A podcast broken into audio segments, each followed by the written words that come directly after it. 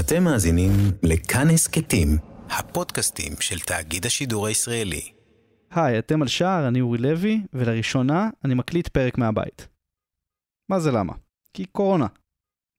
אז הנה אני פה, ביפו, עם שמיכה מעל הראש בשביל האקוסטיקה, ואני מתנצל מראש על רעשי הרגע. איכשהו זה נראה הרבה יותר זמן ממה שזה, אבל בשבועות האחרונים אנחנו עדים להתפשטות של וירוס, שנוגס בעולם כולו, גם בכדורגל. ביס אחרי ביס, מאסיה דרך המזרח התיכון ומשם לאירופה, ליגת האלופות, הפרמייר ליג, ואז גם לדרום אמריקה ואפריקה, עד שהוא מעלים את המשחק כמעט לגמרי. אז אחרי קצת זמן שלא שמעתם מאיתנו, שער חוזר עם פרק בתנאי בידוד, שינסה לעשות לכם קצת סדר בבלגן הזה שנקרא כדורגל בימי קורונה.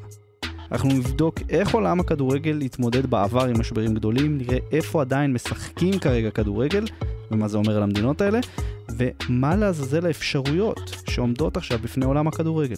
אז קדימה, כאן לא צריך מסכה או כפפות, אנחנו מתחילים.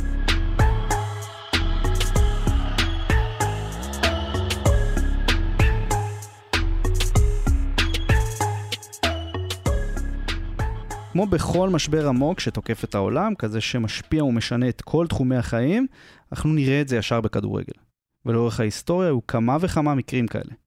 אם אתם זוכרים, בפרק לקראת מונדיאל הנשים ביוני 2019, דיברנו עם אושרת עיני על הפריחה של כדורגל הנשים בבריטניה ובאירופה בזמן מלחמת העולם הראשונה. גברים יצאו למלחמה, נשים שיחקו כדורגל, הביאו עשרות אלפים לאצטדיונים הכי גדולים באנגליה. בסוף המלחמה הופיעה מגפה שמוזכרת כל הזמן בהשוואה לווירוס קורונה, השפעת הספרדית. השפעת הספרדית חיסלה כ-50 מיליון איש, ועל פי הערכות שונות הדביקה בין 100 ל-500 מיליון בני אדם. המגפה התפרצה בזמן שרוב הפעילות הספורטיבית הייתה מושבתת, מה שגרם לזה שההשפעה שלה על הכדורגל לא הייתה ישירה, וכמה דברים קרו במקביל.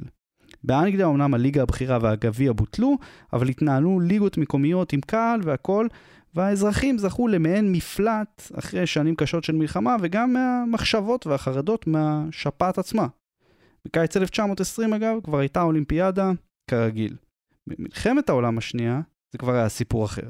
בתקופת מלחמת העולם השנייה, כשליגות הופסקו, אז אין מה לעשות, זה אילוץ שהוא לפעמים יותר גדול מהכדורגל, דברים ואירועים שלפעמים שמים גם את החוויה הזו ואת הדבר הזה שאנחנו כל כך אוהבים בתוך איזושהי פרופורציה. יוסי מדינה, איש המספרים והסטטיסטיקות של הכדורגל הישראלי, הוא אחד הכותבים הבכירים בבבא גול, מומחה לליגות איזוטריות בעולם וגם חלק ממערכת שער. העונות האלה הן לא באמת נמחקו מהספרים, אם תלך לספרי היסטוריה של הכדורגל האנגלי אתה תראה את העונות האלה פשוט עם טבלה חלקית ומציינים שאין אה, אלופה והעונה לא הושלמה. אז אמנם מונדיאלים ואליפויות אירופה בוטלו ובאנגליה מציינים את העונות האלה עם כוכבית, אבל בזמן מלחמת העולם השנייה הכדורגל כן המשיך להתקיים. קחו לדוגמה את משחק המוות באוקראינה. משחק ששוחק בין חיילים נאצים לקבוצה מאוחדת של לוקומוטיב ודינמו קייב, בזמן שאוקראינה הייתה תחת משטר נאצי. המשחקים האלה התקיימו מול אלפי צופים, ומספרים שהשחקנים האוקראינים היו מתחמקים מכדורים שהיו נורים עליהם מחיילים גרמנים שצפו במשחק מהיציע. מי שזוכר, בשנה שעברה ביום השואה, הבאנו את הסיפור של ליגת טרזין. איך הכדורגל המשיך בגטו גם בזמנים הקשים ביותר של המלחמה. ומה לגבי הכדורגל הישראלי? בתקופה האחרונה יש טעות נפוצה שחוזרת לכותרות לגבי עונת 66-68. יוסי עושה לנו קצת סדר בשמועות. יש איזו אגדה אורבנית סביב העונה הכפולה של 66, 7, 8, שטוענים שפשוט התארכה בגלל אה, מלחמת ששת הימים ביוני 67, ובגלל זה חיברו שתי עונות, שיחקו שם ארבעה סיבובים, 60 משחקים. בתכלס, בתכלס, בתכלס, ההחלטה התקבלה במהלך שנת 66, כלומר, לפני שעונת 65-6 הסתיימה, קיבלו החלטה לקיים עונה כפולה. למה? כי הכדורגל הישראלי סבל מהרבה מאוד בעיות, אה, אלימות, שחיתות, הטיות משחקים, מאבקים בין אה, מרכזי מכבי והפועל, וחשבו שאם ייצרו עונה אחת כפולה, כלומר ישחקו במשך שנתיים בלי ירידות, בלי עליות, לתת איזשהו מרווח לקבוצות, אז uh, פשוט יבוא ויעזור לכולם. בוא נגיד שאם אם uh, קברניטי ההתאחדות לכדורגל לא היו בטעות נביאים, או כאלה שחזרו ממסע בזמן, אין שום סיכוי בעולם שההחלטה הזו נבעה בגלל מלחמת ששת הימים. אז למען הסדר הטוב, לכל מי שמשווה את המצב הנוכחי למה שהיה בשנות ה-60 ומציע עונה כפולה כפתרון להפסקת הליגה בגלל הנגיף, אל. אלו פשוט לא אותן נסיבות. מאז מלחמת העולם השנייה לא היה אירוע עולמי ששיתק את הכדורגל כליל כמו נגיף קורונה. אבל זה לא אומר שלא היו מגפות שהשפיעו עליו.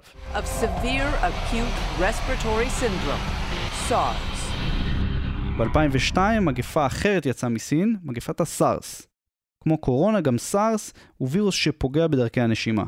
אומנם הוא לא מתקרב לפגיעה המסיבית כמו זו של קוביד-19, הקורונה של ימינו, אבל כן הייתה לו השפעה על הכדורגל. כמו עכשיו, גם אז הליגה הסינית נדחתה, וגם ליגת האלופות האסייתית נפגעה. אבל הפיק של השפעת הסארס על הכדורגל העולמי הגיע ב-2003, כשמונדיאל הנשים עבר מסין לגרמניה. כדי להימנע מסיכונים מיותרים, פיפ"א הרחיקה את הטורניר לאירופה, בה מקרי ההידבקות אז בנגיף היו ספורים בלבד. ב-2015 מחלה נוספת השפיעה על הכדורגל העולמי, האבולה. נגיף שהוציא מהבקבוק הרבה שדים ביחס למערב אפריקה וההיסטוריה הוויראלית שלה. A last minute stand-in after Morocco was stripped of the right to host the event when the country said it wanted to postpone the tournament due to fears over the Ebola epidemic. בגלל הנגיף, מרוקו סירבה לארח את גביע אפריקה לאומות באותו חורף, והטורניר הועבר במהלך בזק לגינאה המשוונית, לקול ביקורות מרוב מדינות היבשת שטענו שהאבולה זה פייק ניוז, והאשימו את המרוקאים בגזענות כלפי אפריקאים סאב-סהריים. אמנם אחוז התמותה של האבולה היה מפחיד, אבל הכמויות היו שונות לגמרי, והיה ניכר שהיחס לווירוס פחות מתבסס על המספרים שלו כמו עכשיו, אלא יותר על האזור שממנו הוא מגיע. מרוקו נקנסה במיליון יורו והורחקה משני הטורנירים הבאים של גביע אפריקה לאומות. לא הפריע לה לערער וגם לחזור ולשחק בטורנירים האלה, ואת הקנס עד היום לא ברור אם הם באמת שילמו. אז לפני שנצלול וננסה להבין את האפשרויות של עולם הכדורגל כרגע, בואו נבדוק איפה עדיין משחקים כדורגל בכדור הארץ ולמה. Pallone per Ilicic al limite, Ilicic difende con il corpo, alla rigore, il destro, rete! האמת, בנקודת הזמן שבה אנחנו מקליטים, המשחק בין אטלנטה לוולנסיה בליגת האלופות, אותו משחק ההדבקה הידוע לשמצה מה-19 בפברואר, הוא נראה כמו שילוב בין חוסר אחריות משווע למדע בדיוני. 40 אלף איש, דחוסים בתוך איצטדיון סנסירו שבמילאנו, בירת לומברדיה, אזור ההתפרצות המרכזי של הנגיף באיטליה. הזוי לדמיין מה עבר לראשי וופא בראש כדי לאשר את המשחק הזה. מאז, באיטליה, ספרד, צרפת, גרמניה ואנגליה כבר לא משחקים כדורגל, ליגת האלופות והליגה האירופית בהולד, והקופה אמריקה ויורו 2020 כבר נדחו בשנה. מונדיאל המועדונים המורחב, שתוכנן גם כן, נדחה לתאריך לא ידוע.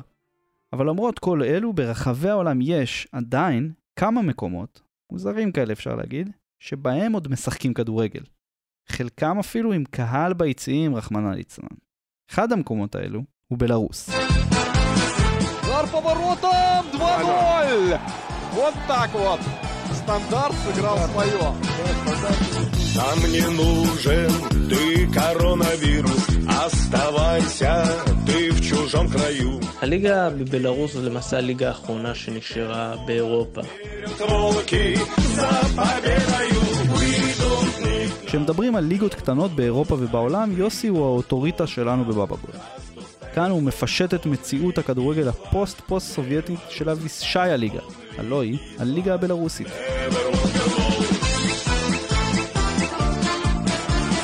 מדינה שהייתה חלק מברית המועצות ה-91, מ-91 זו מדינה עצמאית, לא אחת מאומות הכדורגל המפוארות של אירופה, אבל כן יש בה כמה קבוצות שהצליחו לעשות אה, דבר או שניים בזירה הבינלאומית.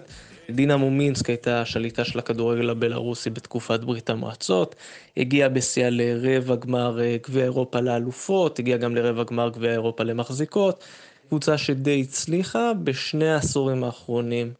באטה בוריסוב הפכה להיות הקבוצה השולטת בליגה, 13 אליפויות רצופות, חברה קבועה בשלבי בתים גם בליגת האלופות וגם בליגה האירופית, והחל מהשנה שעברה עוד אה, חברה שלישית למועדון של הגדולות בבלארוס, זו דינמו ברסט, שבזכות השקעה מאוד מאוד גדולה של אה, שייח איש עסקים, אה, דמות כזו מאוד לא ברורה, מאוד תימהונית, הופכת לקבוצת צמרת ובעונה שעברה זוכה באליפות הראשונה.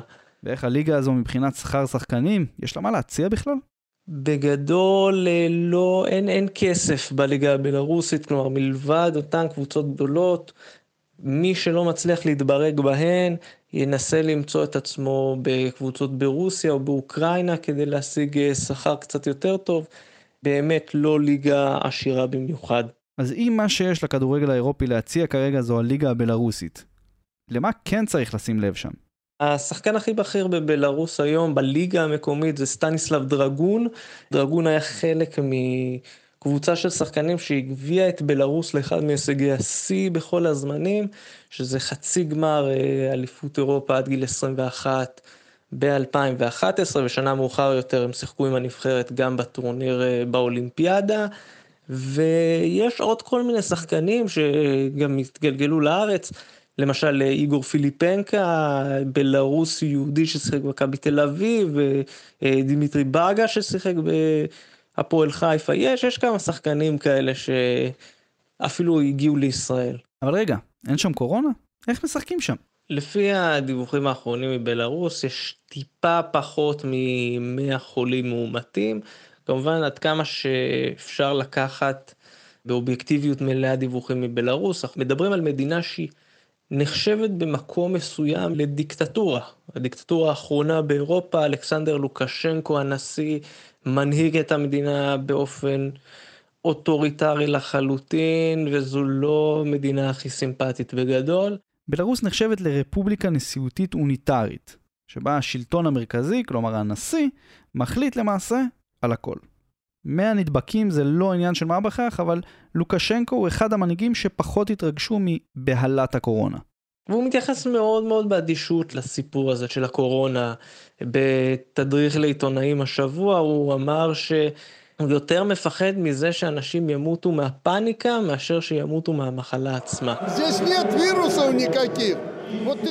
אז הוא משדר עסקים כרגיל ובבלארוס חיים את החיים כאילו אין מגפה בחוץ. זה לא רק משחקי כדורגל שמתקיימים אגב עם קהל ו- וכל מה שמסביב, אפילו השבוע הייתה אה, סדרת גמר בהוקי קרח למשל. הכל עובד כרגיל והכל דופק כמו שעון בבלארוס. אבל מה יוצא ללוקשנקו ולבלארוס כמדינה מהדבר הזה? הם מרוויחים מזה בכמה היבטים. קודם כל הם הצליחו למכור זכויות שידור, גם בארץ אפילו. זכויות השידור נמכרו והמשחקים משודרים מרחוק. יש עוד עניין כספי שמסתובב שם, זה כל מיני דיווחים על אה, הימורים. בתור הליגה האחרונה, פחות או יותר הרצינית, אם אנחנו משווים את זה לליגות אחרות בעולם, כשברגע שאתה מהמר על ליגה באירופה, אז יש לך קצת יותר שקט. אתה גם יכול לעקוב, לראות את המשחקים.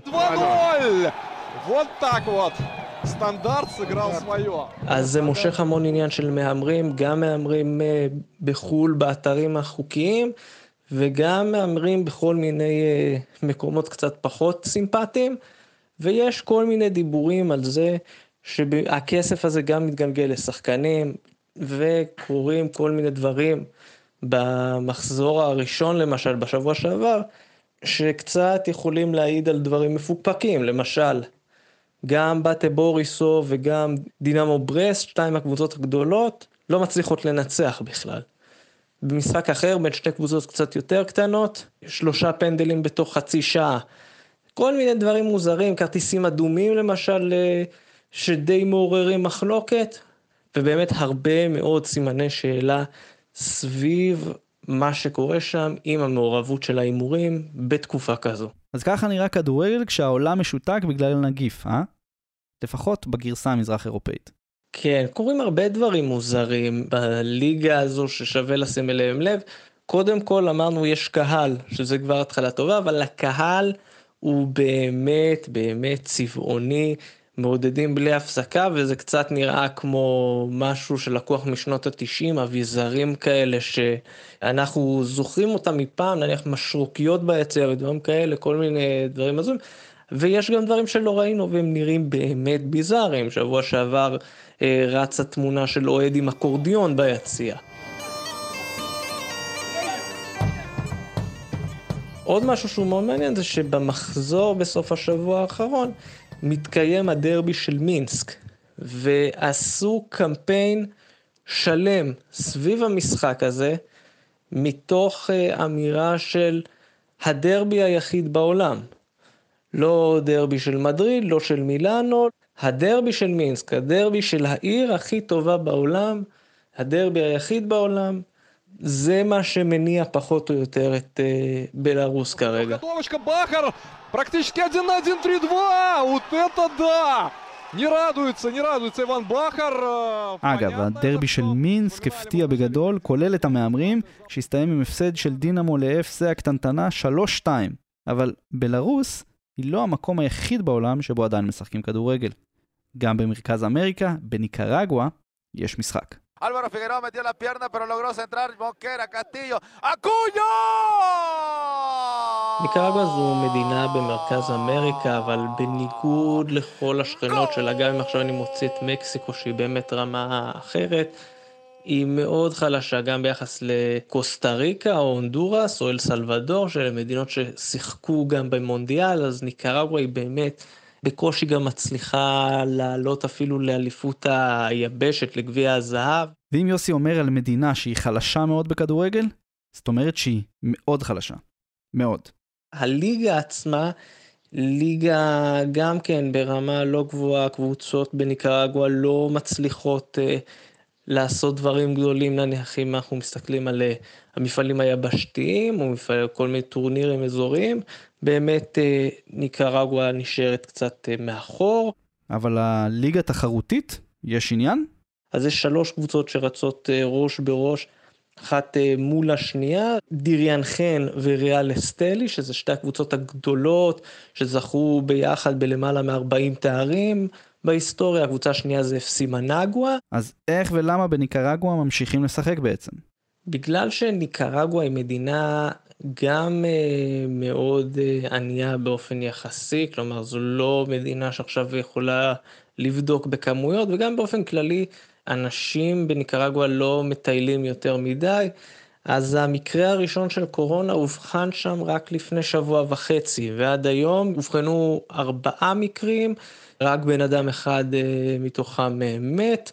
כלומר, מספר המקרים בניקרגואה הוא בינתיים מאוד מאוד קטן, והוא כאילו מצב שבו חלק גדול ממדינות אירופה היו לפני חודש וחצי, זה עוד ממש משהו התחלתי. אז אפשר להגיד שהאנשים שם פשוט אדישים לנגיף? אז יש ביקורת מן הסתם על אה, נשיא ניקרגואה, על אה, דניאל אורטגה, שהוא הנשיא ניקרגואה מ-2007, וטוענים שהוא מתייחס לזה יותר מדי באדישות. צריך להגיד ולהסתכל על זה ביחסית לעולם. הם מתחילים הכל באיחור, כלומר היה להם זמן להיערך, להתכונן, לצפות למשהו, ובכל זאת גורמי אופוזיציה בניקרגו אומרים שהוא פשוט לא מביע יחס לדבר הזה. אם נאמר בכנות, הממשל פשוט מתעלם מהדבר הזה כאילו באמת אין מגפה. אם בבלארוס עוד הייתה איזושהי התייחסות, בניקרגו באמת אין התייחסות מצד גורמי ממשל. אמנם אורטגה לא לוקח את הנגיף ברצינות, אבל ההתאחדות לכדורגל כן נוקטת באמצעי זהירות ומקיימת את המשחקים ללא קהל. שחקן אחד כבר הודיע שהוא לא ישחק יותר כל עוד המצב הנוכחי נמשך, והוא לא לבד.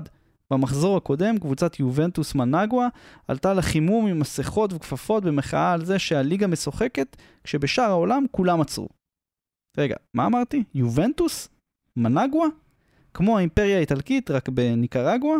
כן, ממש ככה. הליגה בניקרגואה, כמו הרבה ליגות אחרות באמריקה הלטינית, כר פורה לקבוצות עם שמות מקוריים, או קבוצות עם שמות שימשכו uh, תשומת לב. עוד קבוצה שמשכה תשומת לב, וכבר uh, הרבה מאוד בדיחות רצו עליה, זו קבוצה בשם ריאל מדריז. הסמל שלה לא דומה כל כך לסמל של ריאל מדריד, אבל uh, השם, קשה להתעלם מהעובדה שהוא דומה.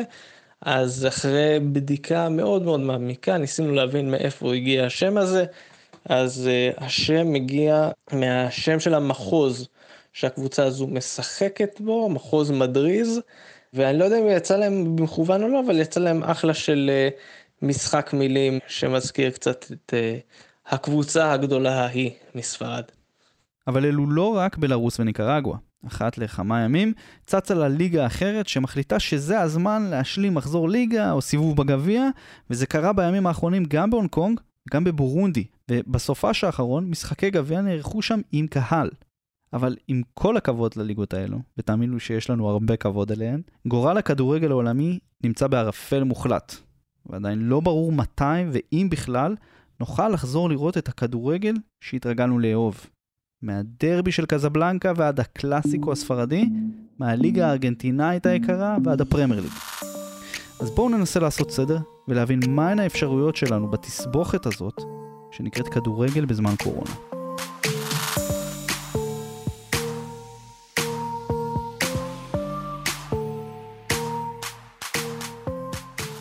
תאריכים תלושים נזרקים לאוויר, ספקולציות חדשות צצות בכל דקה וחוסר הוודאות שולט. האמת היא שאין כרגע אף אחד שיכול להגיד בוודאות מתי ובאיזה פורמט הכדורגל יחזור. ב-17 במרץ וופא כינסה ישיבה, כבר בווידאו כמובן, בהשתתפות איגוד המועדונים האירופאי, מנהלות הליגות השונות מרחבי היבשת, וארגון השחקנים העולמי, כדי לדון בעתיד עונת 2019-2020 ואיך הכדורגל אמור להתייחס להתפרצות נגיף קורונה. בוועדה המרובעת הזו החליטו על שתי קבוצות חשיבה שיפעלו כדי לפתור את הפלונטר שנוצר. הקבוצה הראשונה עוסקת בלוחות זמנים וברמה הארגונית, מתחשב בעובדה שלרוב הקבוצות נשאר בין שליש לרבע מהעונה לשחק. מעבר לדחייה של הטורנירים הגדולים והפגרות הבינלאומיות, המועדונים התחייבו לנסות ולסיים את העונה הנוכחית עד ה-30 ביוני, סוף עונת 2019-2020 באירופה, זאת בהנחה שיהיה אפשר בכלל לשחק. המשמעות של זה היא שבמידה ואפשר יהיה לחזור לשחק, תהיה דחיסה מטורפת של משחקים בזמן קצר. הליגות ישוחקו מסביב לשעון, בזמן שהמפעלים היבשתיים יתקיימו בסופי שבוע. הקבוצה השנייה אמונה על הפן הכלכלי וההשלכות הרגולטוריות של התפרצות הנגיף על המשחק האירופאי. וזה מסובך. מאוד. כי היציבות, ההון והתמיכה של הכדורגל מגיעים באופן ישיר מהתקהלות של עשרות אלפי אנשים במקום מסוים, באצטדיון. וכשאי אפשר להגיע לאצטדיון, נוצרת תגובת שרשרת שמשפיעה על כל תעשיית הכדורגל. כולם חוטפים זעזוע.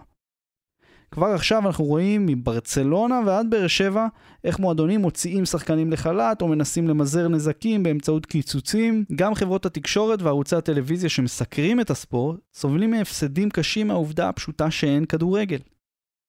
הליגות הגדולות באירופה כבר סיפקו השערות כמה הן יפסידו מהשפעות וירוס קורונה, וזה מטורף. לה ליגה 700 מיליון יורו. הסרייה A בין 700 מיליון למיליארד יורו. בבונדסליגה הגרמנית דיברו על 800 מיליון יורו, ובאנגליה עדיין לא השלימו עם ביטול העונה, אבל גם בהנחה שליברפול תקבל הזדמנות לזכות בתואר על הדשא, מדובר בהפסד של כ-40 מיליון פאונד לכל מועדון פרמייר ליג. אין מה לעשות. כדורגל על כל היבטיו, כמשחק, כעסק, כתעשייה שלמה וכתרבות, חטף מכה איומה שאי אפשר לדעת איך, מתי והאם הוא באמת יתאושש ממנה.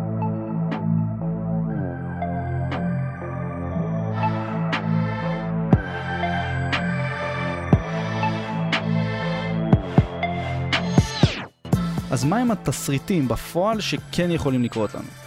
יש כמה אופציות שנידונות כרגע בעולם הכדורגל בחוגים מסוימים.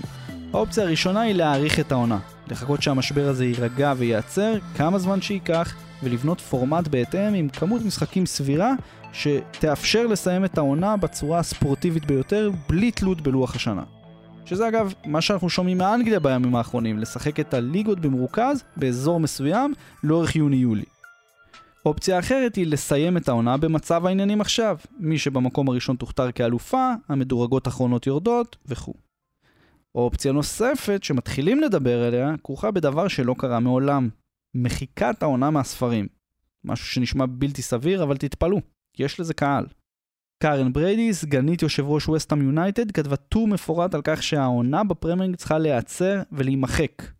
ככה ליברפול שחוותה את העונה הגדולה ביותר של הזה עידנים וצעדה בבטחה אל האליפות שלא זכתה בה כבר 30 שנה, תאבד אותה שוב.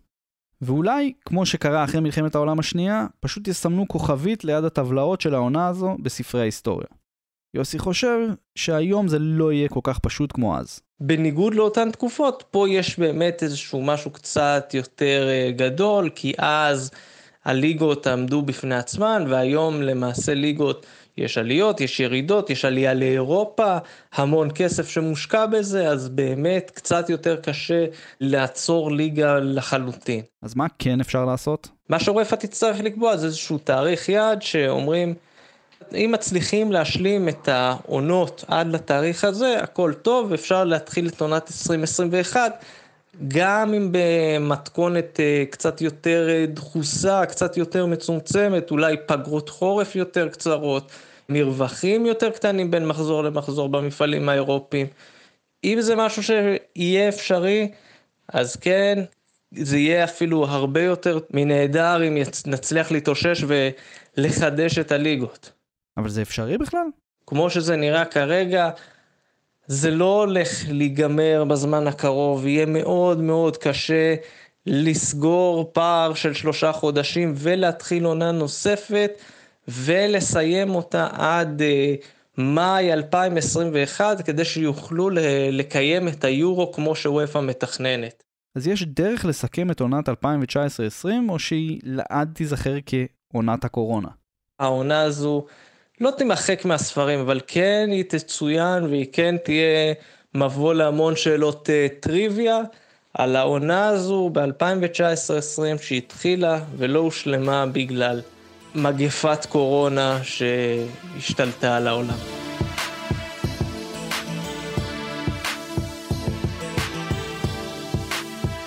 וירוס קורונה חשף משהו עלינו, על איך שאנחנו חיים. על איך שברגע אחד האופן שבו אנחנו הולכים לעבודה, לפגישה, העמידה שלנו בפקקים, התלות שלנו בתחבורה ציבורית, היעילות שלנו, אולי היא לא באמת חיונית כמו שאנחנו חושבים שהיא. אולי אפשר לעשות אותה אחרת. באותה צורה, הנגיף יצר מצב בו הכדורגל לא יכול לשחק את התפקיד שאנחנו רגילים שהוא משחק בחיים שלנו. הסחת הדעת המושלמת מהצהרות, האסקפיזם הטהור, המציאות המקבילה של הזהויות, האהבות, הציפיות, האכזבות והרגש. דברים שעד שהווירוס נכנס לחיים שלנו היו כל כך מוחלטים וברורים. וירוס קורונה בעיקר מבליט את זה שהכדורגל, בניגוד לכמה פעילויות אנושיות אחרות, הוא לא הכרחי וחיוני באמת. אין מה לעשות, וזה כואב לי להגיד את זה. נראה שכדורגל נמצא בשורה הראשונה של דברים שנצטרך להקריב בשעת משבר. זה אפילו יותר מזה. יש מצב שהכדורגל לא יחזור כל כך מהר למה שהוא היה. יש מצב שהוא לא יחזור בכלל. תחשבו על החוויות שלכם ממשחקים. קפיצות, השתוללויות, חיבוקים ונשיקות בגולים, גם עם אנשים שעד לפני רגע לא הכרתם. גם עמידה בתורים דחוסים בכניסה, למזנון, לשירותים, בפינות העישון. אתם רואים את זה חוזר כל כך מהר אחרי שקורונה תעבור? בכלל לא בטוח. צריך לקחת בחשבון שיכול להיות שאנחנו בדרך לשנים של כדורגל בדלתיים סגורות, כזה שרק משודר בטלוויזיה. בלי אוהדים, בלי רגש אמיתי שנוכח באצטדיון. כדורגל סטרילי. כמו שאמרנו, ברגע שאין את ההתקבצות הזו של אלפי אנשים במקום אחד, לתמוך בקבוצה שלהם, לצפות במשחק, ולאוהדים עצמם אין איך לשלם על חבילות הצפייה, נוצרת השרשרת הזו, והמערכת כולה חוטפת מכה קשה. אין איך להפוך את זה.